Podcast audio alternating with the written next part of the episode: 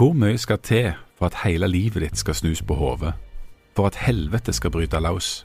For at folk skal dø? Eller rettere sagt, hvor lite skal til? Kan det være nok med en tegning? Eller ett eneste lite, uskyldig ord?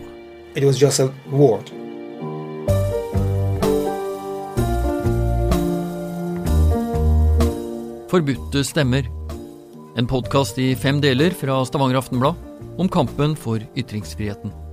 Om de som må flykte, og de som blir igjen.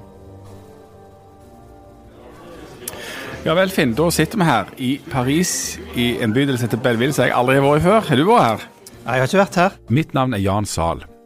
Det siste året har kollega Finn Våga og jeg reist verden rundt og besøkt folk som har kommet i trøbbel fordi de har gjort noe vi regner som helt selvsagt, nemlig til å si høyt hva de mener om ulike ting. Vi har møtt folk som lever i eksil i en såkalt friby, altså en by som gir tilflukt til forfulgte forfattere, og så har vi reist til den plassen de måtte reise ifra fordi det var for farlig. Denne gangen går turen først til Paris. Sist jeg var i Paris, var i november 2015. Og da var det under terrorangrepet, der 130 mennesker ble drept. Eh, og jeg var da på vei opp mot Bataclan, der det jo kom inn tre stykker med Kalasjnikov og bombebelter. Eh, det var en helt annerledes stemning i Paris. Nå, skal vi, vi skal møte en som har tegnet en roman om sine opplevelser, og, no, og han har snakket en del om dem før. og Noe av det jeg syns er aldeles besnærende med den historien, og som òg slår meg at gjelder egentlig for flere av dem, det er at det er litt sånn Kafka-aktig. Altså det er litt sånn bagateller i mitt hode som utløser helt avsindig svære ting. Har du tenkt på at, eh, at det er så lett å la seg krenke eller krenke noen? For Det går ikke vi rundt og tenker på når vi skriver i aviser eller tar bilder av ting. Nei, eh, og for, som du sier, det er jo helt uskyldige ting. Eh, også, sier han sjøl, var en helt uskyldig ting han, han tegnte. Nå skal vi la de som lytter, eh, få vite det seinere hva han har tenkt. Eh, men det er jo helt ufattelig at eh, han kastes i fengsel. Eh, mange mennesker ble drept i opptøyer pga. denne tegningen, som for oss to, sett utenfra, som aldri har vært i Iran, kjenner Iran eh, mindre, eh, fortoner seg som helt uskyldig. Da eh, forbereder vi oss litt, og så skal vi gå og møte han.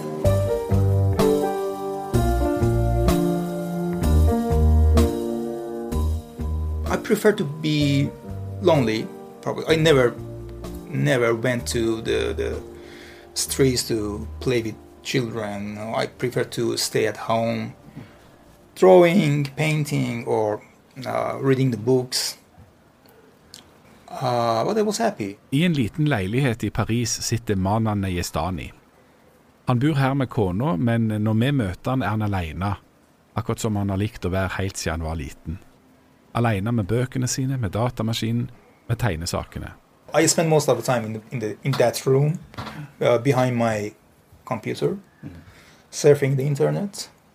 Then I start to draw, to find the, the ideas and draw, and uh, almost one one drawing each day. Mana vokste opp i en kulturell heim i Teheran, hovedstaden i Iran. Faren var poet, mora jobbet òg med litteratur. Den 13 år eldre broren likte å tegne.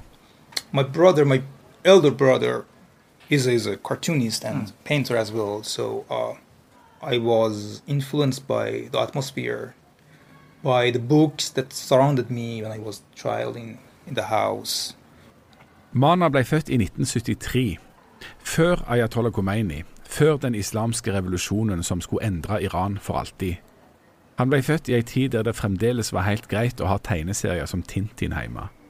I had uh, different kind of books, you know, comic books like Tintin series, uh, cartoon and caricatures from different countries, and most of them are prepare, uh, you know, uh, they they bought before revolution.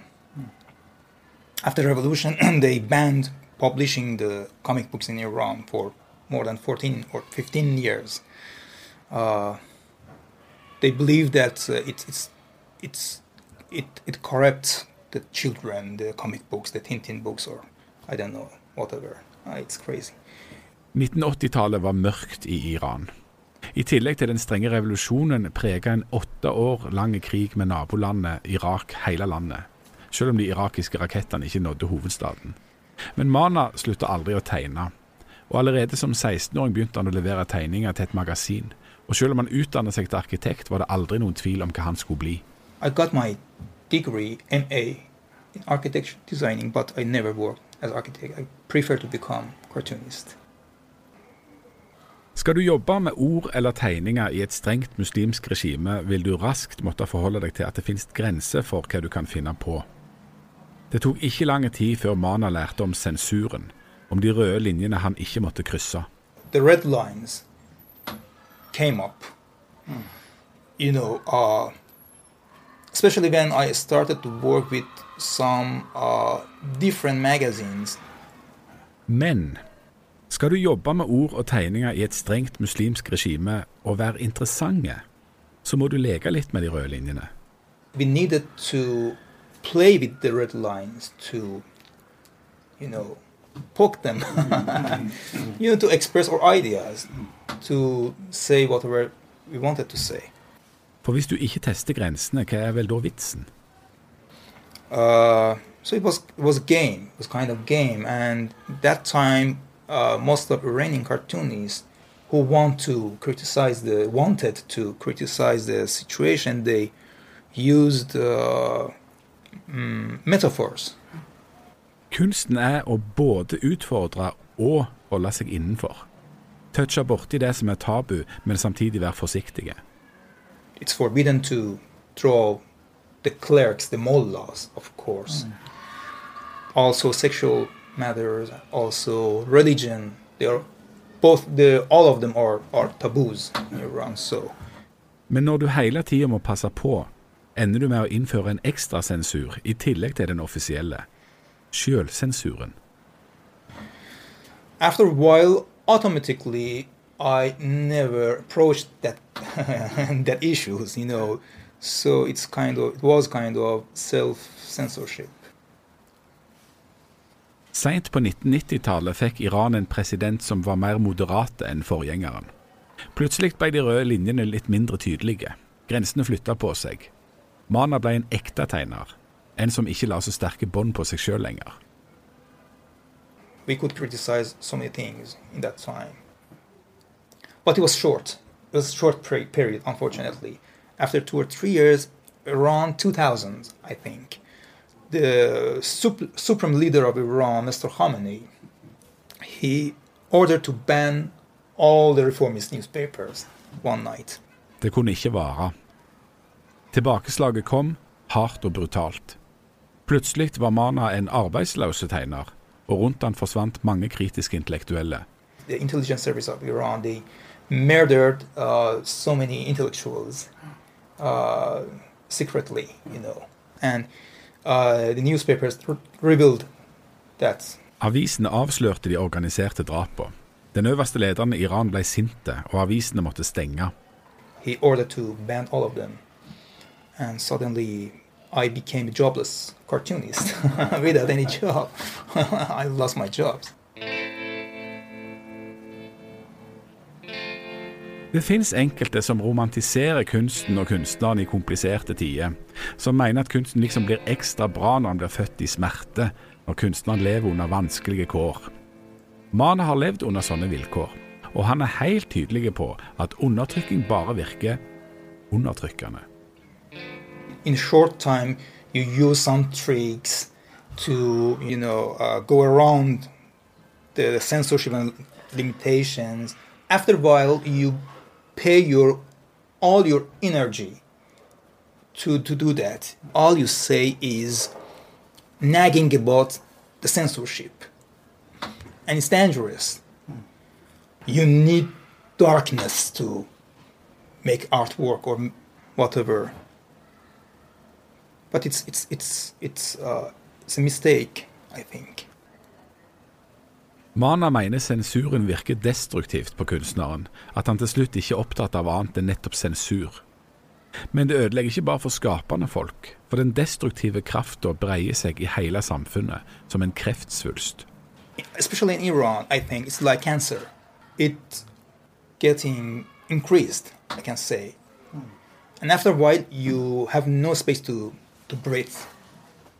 Probably you, in short time, it uh, pretends that it could be helpful for, for, for artists. But in long time, no. It's killing the art. It's killing the art and the mind. Så hva gjorde Mana? Vel, han er vel som de fleste av oss. En feiging. I'm, I'm. En som for alt i verden ikke vil bli tatt. Som ikke vil havne i fengsel eller dø for å ha sagt eller gjort noe feil. I'm really afraid of uh, being injured or, or killed by some uh, I don't know uh, mindless people. But you know, it's my job. Så Mana slutta som politiske satiretegner. I plassen begynte han å redigere barnesiden i et statlig kontrollert magasin. Han tegnte små, uskyldige barnetegninger og holdt seg unna alt som kunne være kontroversielt. Helt til han en dag ble innhenta av det vi i mangel av et bedre ord får kalle for skjebnen. It's not. Sometimes it's not easy to control your fate. I did uh, 14 or 15 years as a political cartoonist, and nothing special happened to me in that time. And in 2006, I was a, a, you know children illustrator. I was ex- illustrator for children magazine. Suddenly something happened to me I never expected for you know. En dag i mai 2006 trykte magasinet Mana jobbet i en tegneserie om en liten gutt som snakker med en kakerlakk. Kakerlakken forstår ikke persisk, så gutten prøver å snakke kakerlakkspråk og lage masse lyder. Kakerlakken skjønner fremdeles ingenting, og så sier han det ordet som skulle bli så skjebnesvangert. Namana, sier kakerlakken. Eller på godt norsk hæ? Namana, yes. So uh, suddenly I faced the labyrinth, the maze of uh, you know trials and prison, and uh, I had no. Yes, I had no control on my fate. Noen dager etter at magasinet kom ut, ringte redaktøren til Mana og sa at han hadde fått reaksjoner fra foreldre med Aserbajdsjan-tyrkisk bakgrunn. Det viste seg at ordet namana, som Mana trodde var et helt vanlig ord for hæ på farsi, stammer fra tyrkisk. Uh, you use the word namana, which is the origin is a Turkish Azeri, Og nå reagerte altså foreldrene på at en kakerlakk snakket tyrkisk. insulting the language, the Turkish language. That uh, shocked me. You know, when I heard that, oh, oh my God, they, some parents got angry. Oh, sorry, it wasn't on purpose, uh, not intended. Uh, I'm sorry, didn't repeat again. Okay, that's all. Ja, nå måtte det jo være over. Mana hadde fornærma noen foreldre uten verken å ville det eller å være klar over det. Nå hadde både han og magasinet sagt unnskyld. Case closed. Eller kanskje ikke. after two or three days, uh, I heard some news that okay, in some uh, city, people came to the streets, or some students demonstrated because of uh, insulting article in Iran newspaper. The name of, and I, uh, was thinking myself, oh my God, which which article? yes who who's the the stupid uh, journalist who Didn't I really didn't understand that it's me? Mana lurer altså på hva slags dumme journalist som har prestert å fornærme den aserbajdsjan-tyrkiske minoriteten, aseriene som de heter på engelsk. Men etter noen dager så går det altså opp for han at det er han, og at det han har gjort seg skyldig i, er å ha brukt ordet 'hæ'. Saka går ikke over. Tvert imot. Telefonene hagler inn til magasinredaksjonen med fornærmelser og trusler. They call the office constantly and insult us and you know threaten us and everything. Og når du ikke skulle tro at det kunne bli verre, så blir det akkurat det. For nå begynner folk, spesielt studenter, å trekke ut i gatene i Aserbajdsjan-tyrkiske byer i Iran. Det bygger seg opp til massedemonstrasjoner. the demonstration, the chain demonstrations, especially students in the Turkish, uh, other students in different universities made it. Hva tror du et strengt og semiautoritært regime som Iran gjør når studentene tar til gatene for å protestere? Jo, da setter de inn opprørsstyrker. Tallet på hvor mange som ble drept og hvor mange som ble arresterte, varierer. Men det er ingen tvil om at folk døde som en følge av Manas barnetegning. Føler tegneren seg ansvarlige for disse dødsfallene?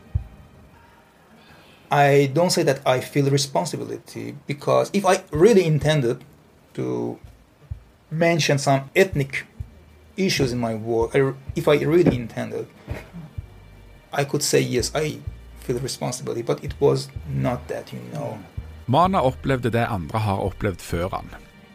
At tegningen hans blir brukt politisk, og ganske uavhengig av hans egne intensjoner. Hvor mange av de som rundt om i verden demonstrerte mot Jyllandspostens Muhammed-karikaturer, hadde faktisk sett tegningene sjøl, eller i det minste satt seg inn i hva som var Jyllandspostens poeng? Hvor mange av de som demonstrerte mot Manas barnetegning, hadde sett tegningen, eller vurdert hva det egentlig handla om? They came to the streets because they got angry of one of my cartoons or drawings, or at least some of them, because I believe that uh, most of them, even they didn't see the the page of the newspaper. You know, they just hear that somebody uh, did an insult in a newspaper, and they came streets. Men hva var det som var så fornærmende i dette vesle tyrkiske ordet, brukt i en uskyldig barnetegning? Vel, det handler strengt tatt ikke særlig mye om ordet hæ. Det handler om etniske konflikter, om politikk. Om en minoritet som opplever diskriminering og undertrykking for statlig hold, og så kommer det altså en tegning i et statlig kontrollert magasin der en kakerlakk bruker et tyrkisk ord. Mener staten dermed at Aserbajdsjan-tyrkerne er å regne som kakerlakker, som skadedyr? Hæ? it was out of my mind in that time. It was a children uh, text.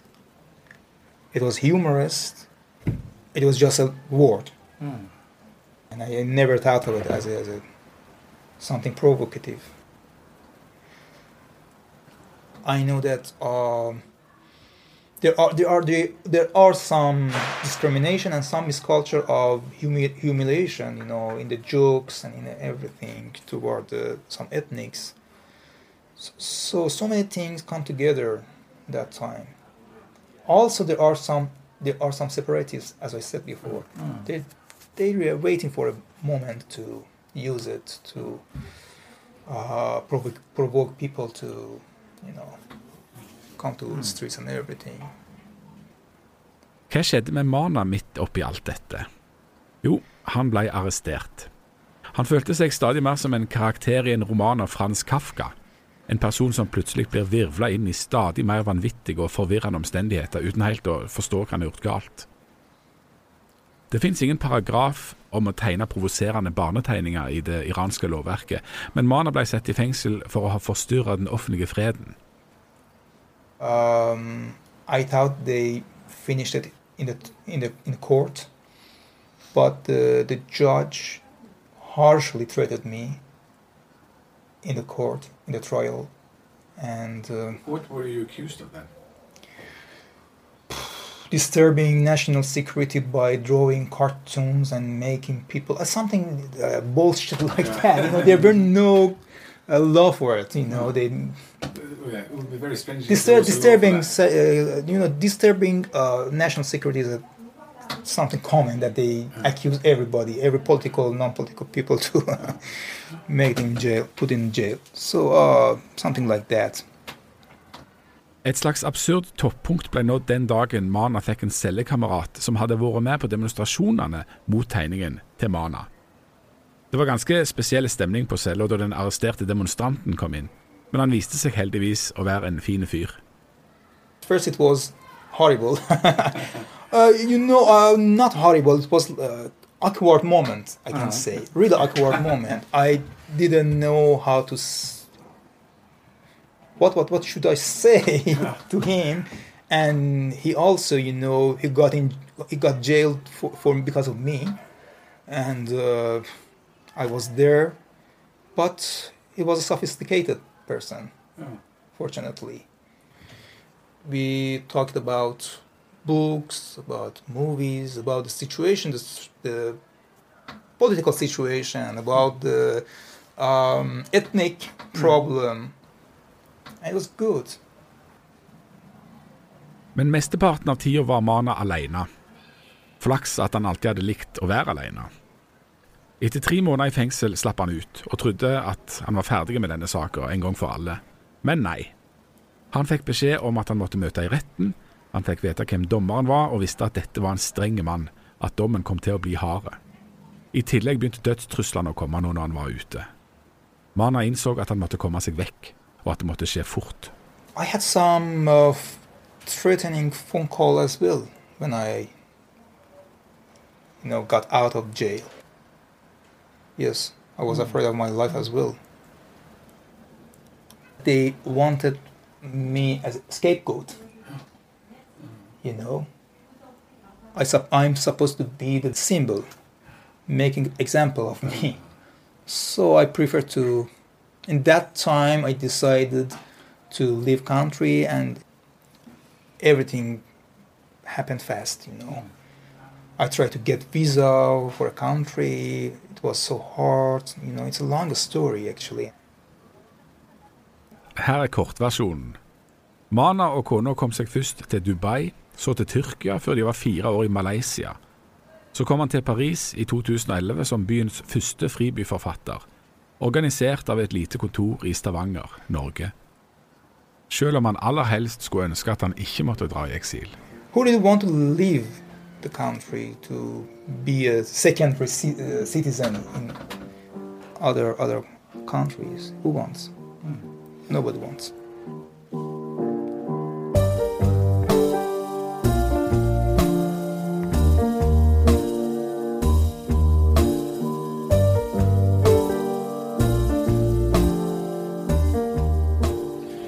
Ja vel, Finn. Da sitter vi på flyplassen i Paris, Charles de Gaulle, på vei hjem etter å ha møtt Manan Yastani.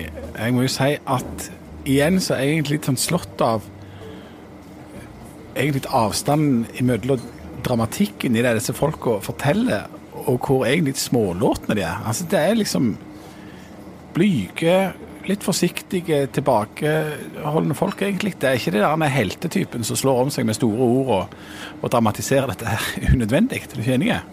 Og ingen sterke følelser. Eh, fortell om oppholdet i fengselet, som er jo et ganske skremmende opphold. Der han jo eh, i perioder er usikker på vil han bli utsatt for tortur, som mange andre er blitt i Iran. Men han forteller det bare som en, en slags dagligdags hendelse. Og det gjør jo historien, synes jeg, mye sterkere.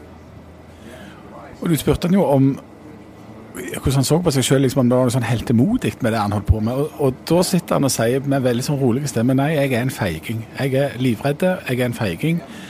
Jeg er ikke noe helt, jeg, skulle, jeg prøvde bare alt jeg kunne å unngå dette her. Eh, og noe av det vanvittige i dette her er jo da altså det der Kafka-opplevelsen av å ikke føle at du har gjort noe galt, ikke engang vite at du har gjort noe galt, og så blir du bare omringet av en drøss med omstendigheter som du ikke har kontroll over i det hele tatt, og som gjør at du reiser verden rundt. Men igjen, det er litt sånn små ord om å ja, reise verden rundt og, og havne her, da.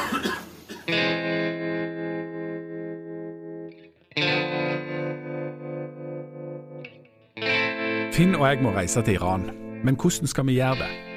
Vi tar ikke sjansen på å dra på turistvisum og så bli tatt for å drive med journalistikk. Det er for usikkert hva som ville skje med oss da. Så vi bestemmer oss for å søke journalistvisum. Vi får høre at det tar lang tid, så vi prøver å finne ut av de ugjennomtrengelige nettsidene og sende skjema og pass og foto og penger og enda flere skjema til den iranske ambassaden i Oslo. Vi gjør det i slutten av januar 2017, og søker om å få reise nesten tre måneder senere, i slutten av april.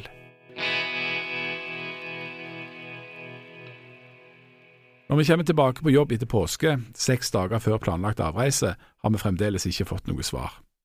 Vi har i mellomtid vært i Oslo på en samtale, har selvsagt ikke sagt hva vi egentlig skal lage sak om, men snakket litt diffust om dagligliv og samfunn og sånne ting. Vi har purra, vi har purra igjen, ingenting har skjedd. Så, torsdag morgen kommer beskjeden. Søknaden er innvilga, visum må hentes i løpet av torsdag eller fredag i Oslo, Avreise er søndag. Er dette en bevisst strategi? Får vi innvilga visum så kort tid før avreise at det nesten blir umulig for oss å kjøpe flybilletter og dra, og i alle fall å planlegge hva vi skal gjøre? Mye tyder på det. Iran kan føres opp i statistikken over innvilga pressevisum, men hvor mange utenlandske journalister er det som faktisk klarer å dra på tre dagers varsel? Ja, det er vel en annen sak. Men vi får det til. Vi kommer oss til Iran.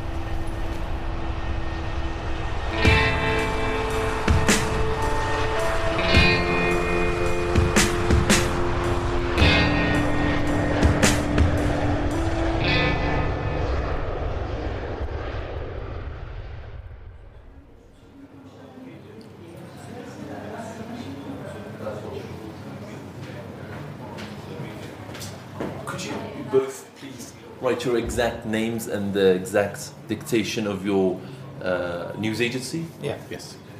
Finn og jeg sitter på et venterom i en avdeling til Kulturdepartementet i Iran. Der er enda flere papir som må fylles ut. Vi sitter her sammen med vår tildelte guide. Du kan ikke jobbe som utenlandske journalist her uten å ha med deg en offisielt godkjent guide som både hjelper deg med alt det praktiske, med språk og med logistikk, og som så rapporterer tilbake hva du har gjort. Vi blir altså passa på hele tida. That's the names, and that's the newspaper, and there's a ELAD at the end. AD, okay. Guiden vår viser seg å være en både omgjengelig og kunnskapsrike kar som de neste dagene forteller oss kolossalt mye om Iran. Men Finn og jeg er ulydige journalister. I tillegg til det offisielle opplegget vi gjennomfører med guide, så klarer vi å avtale hemmelige møter uten påpasser. Der kan vi snakke om det vi egentlig kom her for å finne ut av.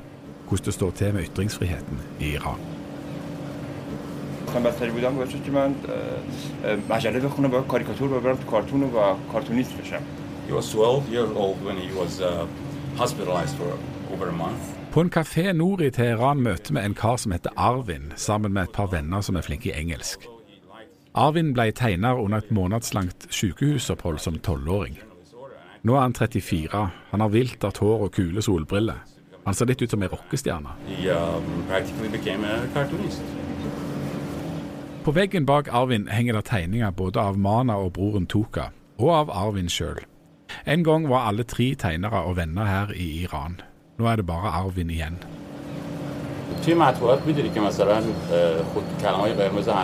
Skal du klare deg som tegner i Iran, må du vite hvordan du skal manøvrere.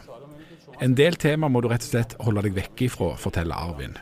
Og Den kanskje beste måten å finne ut hva tema du må holde deg vekk ifra, det er å lære av hva som skjer med kollegaene dine som Mana, som Arvin mener hadde uflaks.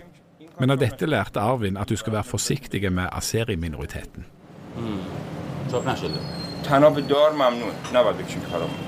Arvin har vært i trøbbel sjøl.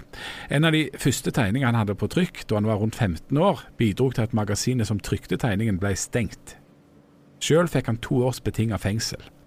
Straffa ble betinga fordi Arvin laug på alderen og sa at han var under 16 år. Men i tillegg så fikk han seg altså et rykte og ble en kjent og utfordrende tegner helt fra starten av. Det ryktet har han ennå. وقتی 17 سالم بود و وارد مطبوعات شدم بعد اون 17 سالگی با هفته نامه ها و مجله ها کار میکردم Arvin har òg prøvd å komme seg ut av Iran. Men først så hadde han ikke pass fordi han ikke hadde gjort militærtjeneste. Senere ble han forelska, og så fikk han familie. I felt in love. Og nå har han ikke lyst til å være immigrant i et annet land. Me. Arvins tegninger er mindre dagsaktuelle og eksplisitt politiske enn Mana sine kommentarer til det som foregår i Iran. Han ser på tegningene sine som dikt, som mer tidløse og mer tolkbare verk som folk sjøl kan legge mening i. Jeg er bare en tegner, jeg er ikke en politisk fyr, sier Arvin. I'm just a cartoonist. Yeah. I'm just a cartoonist and not political man. Yeah. Mm-hmm. Uh, Ifølge Arvin er Mana stadig en kjendis i Iran, en fyr som mange følger med på. Finn spør om Mana er en helt. Nei, jeg tror ikke på helter, svarer Arvin.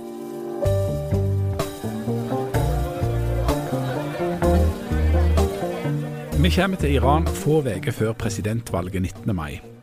Spenninga i landet er til å ta og føle på. Vil den moderate presidenten Rouhani få fornya tillit? Rouhani har hatt makta de siste fire åra og står bl.a. bak atomavtalen med Vesten. Eller vil de konservative utfordrerne vinne og stoppe den begynnende åpninga? Vi snakker med mange yngre og liberale folk som forteller overraskende ting om det iranske samfunnet. For om den offisielle fasaden er strenge, er det noe helt annet som foregår bak husets fire vegger.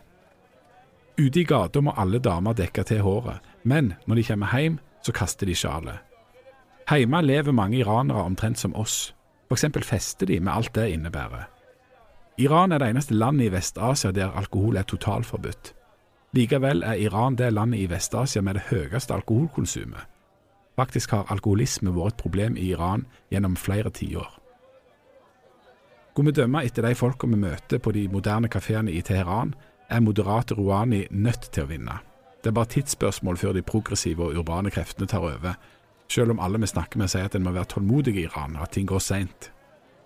Men her risikerer vi å gå i den vestlige journalistfella, og bare snakke med sånne som ligner på oss sjøl, og si det vi liker å høre.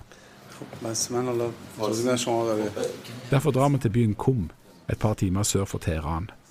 Dette er et religiøst sentrum i Iran og en konservativ by. Etter hard og heltemodig innsats klarer guiden vår å skaffe oss et intervju med sin gamle professor i statsvitenskap fra universitetet i Teheran.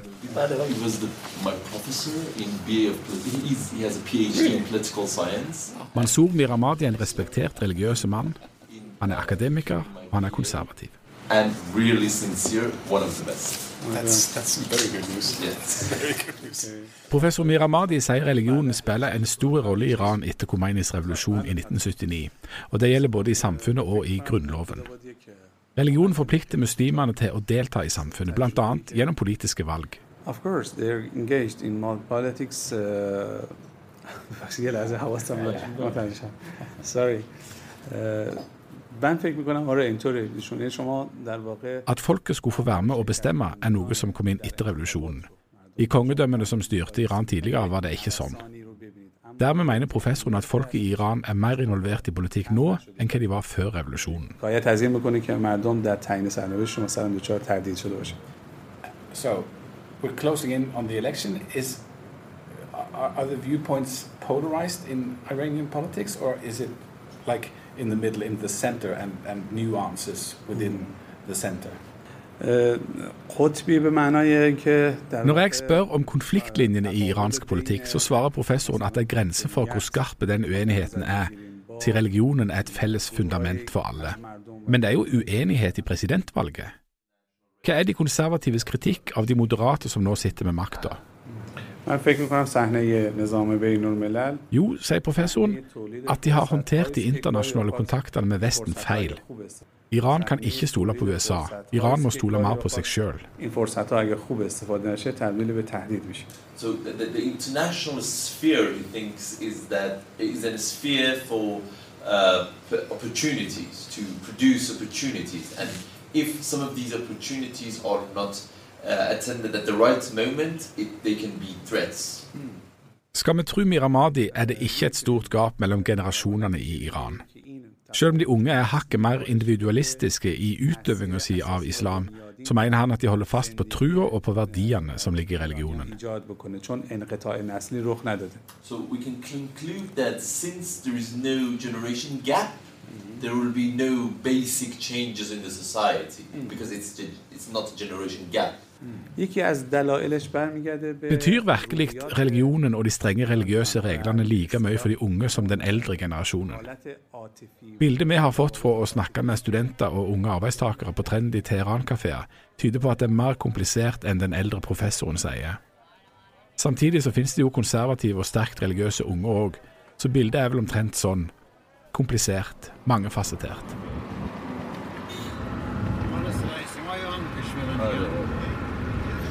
Vi drar tilbake til Teheran. Vi tar farvel med guiden og gjør oss klar for et siste hemmelig møte. Og da Mana drog, så satt der tilbake en stadig mindre familie. Far til Mana døde da han var åtte år. Broren Tuka flytta til Canada, og Mana og mora hadde et svært nært forhold. Det var et sjokk da sønnen ble arrestert, og dramatisk da han drog. It was a surprise because the uh, issue that happened that caused him to go to jail was something that we never thought of because he's been acting a little conservative uh, before he leave Iran. So um, it was such a shock, especially for, for his mom and the family. Hun som snakker her, er en slektning av Mana. Vi identifiserer henne ikke nærmere enn som så. Slektningen husker godt alt styret rundt Mana og kakerlakktegningen. Hun fikk med seg at folk ville se Mana dø.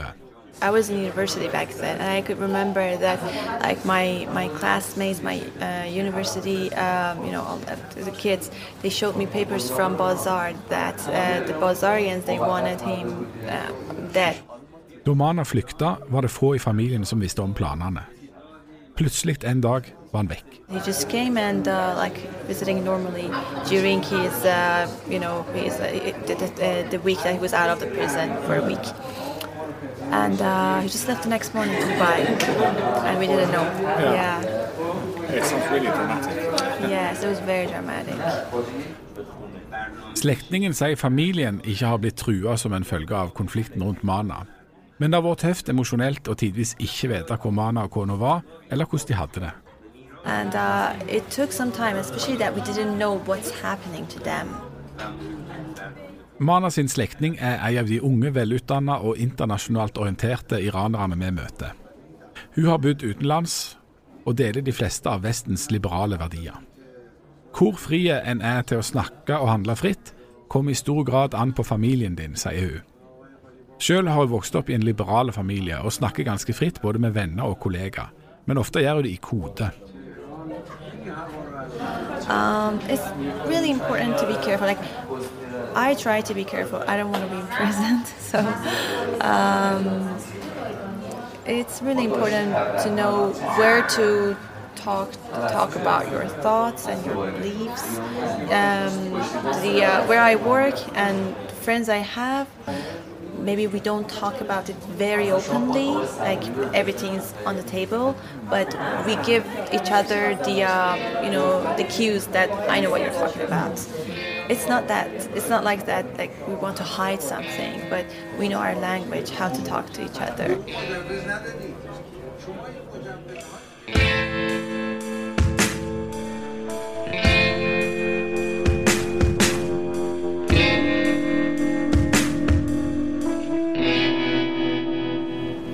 Nå har vi vært seks dager i et land vi visste veldig lite om før vi reiste, og visste ikke om vi skulle komme inn.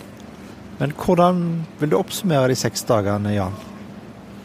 Noe av det interessante er jo at vi heller ikke visste hva vi kom til å få når vi kom hit. Sant? Vi visste jo ikke helt hvem vi fikk treffe, hva slags folk vi fikk snakke med, og hvordan de kom til å snakke. Men det som har gjort dette interessant, dette oppholdet, det er jo at vi har uh, møtt folk som har vært snakkesalige både on the record og off the record. Vi har møtt folk som har visst at vi har vært journalister, og har på en måte uttalt seg under en slags eh, kontroll. Og vi har hatt folk som har snakket fritt til oss.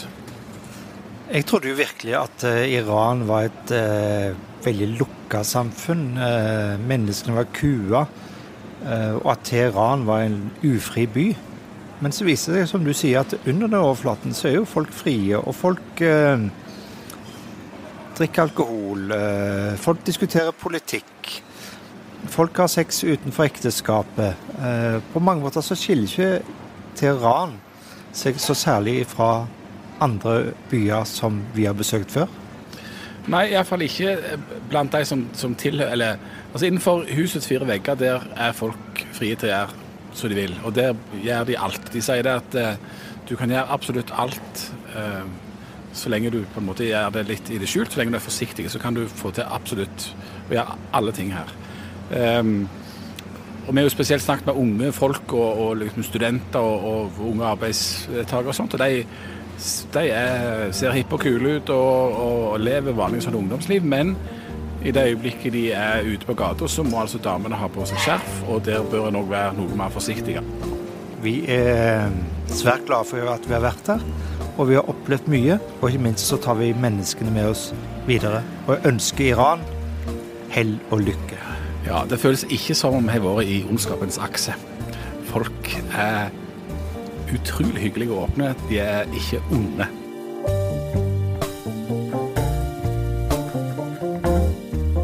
Mana sin slektning var en av mange oppegående, sympatiske og velorienterte personer vi møtte i Iran. Selv om hun må være forsiktig med hva hun sier og hva hun gjør i dette semi-autoritære semidemokratiet, så er det her hun vil bo. For vi sjøl har oppdaget etter ei uke i landet, det ser mye verre ut fra utsida enn det gjør når du er der. when you're outside and you hear the news, uh, they're more disturbing than when you actually live in Iran, because uh, mm, you just see the downsides when you're out of Iran. But in here, uh, I mean, as a person who likes to live here, uh, I mean, this is my point of view, view, which is very different from so many people my age or even younger. Um, sometimes you just um, I don't I'm not saying you, you have to close your eyes to reality and what's happening around um, but uh, you need to remember the good things about where you live so you could actually live in there Selv om det finnes negative sider ved det iranske samfunnet, har altså slektningen valgt å fokusere på de positive sidene, som tross alt er her. Hadde hun ikke gjort det, ville livet her blitt nesten uutholdelig.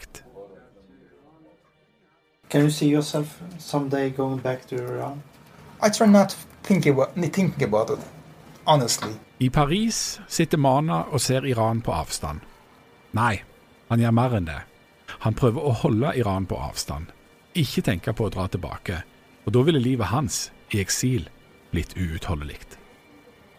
It could be uh, destroying if you always think always thinking about going back or waiting for going back. You cannot live your life, normal life, you know. So I haven't packed my luggage, waiting for going back. I'm trying to have my normal life here in France, in Paris. I'm working on my project, um, and it really helps me to keep my uh, mind balance, become sane. Sometimes, if in future uh, I could go back in Iran, yes, it's great. It would be it would be great. Who really doesn't want leaving their own country? Og det er kanskje spørsmålet. Hvem vil vel ikke bo i sitt eget land? Men da må det være mulig å leve der.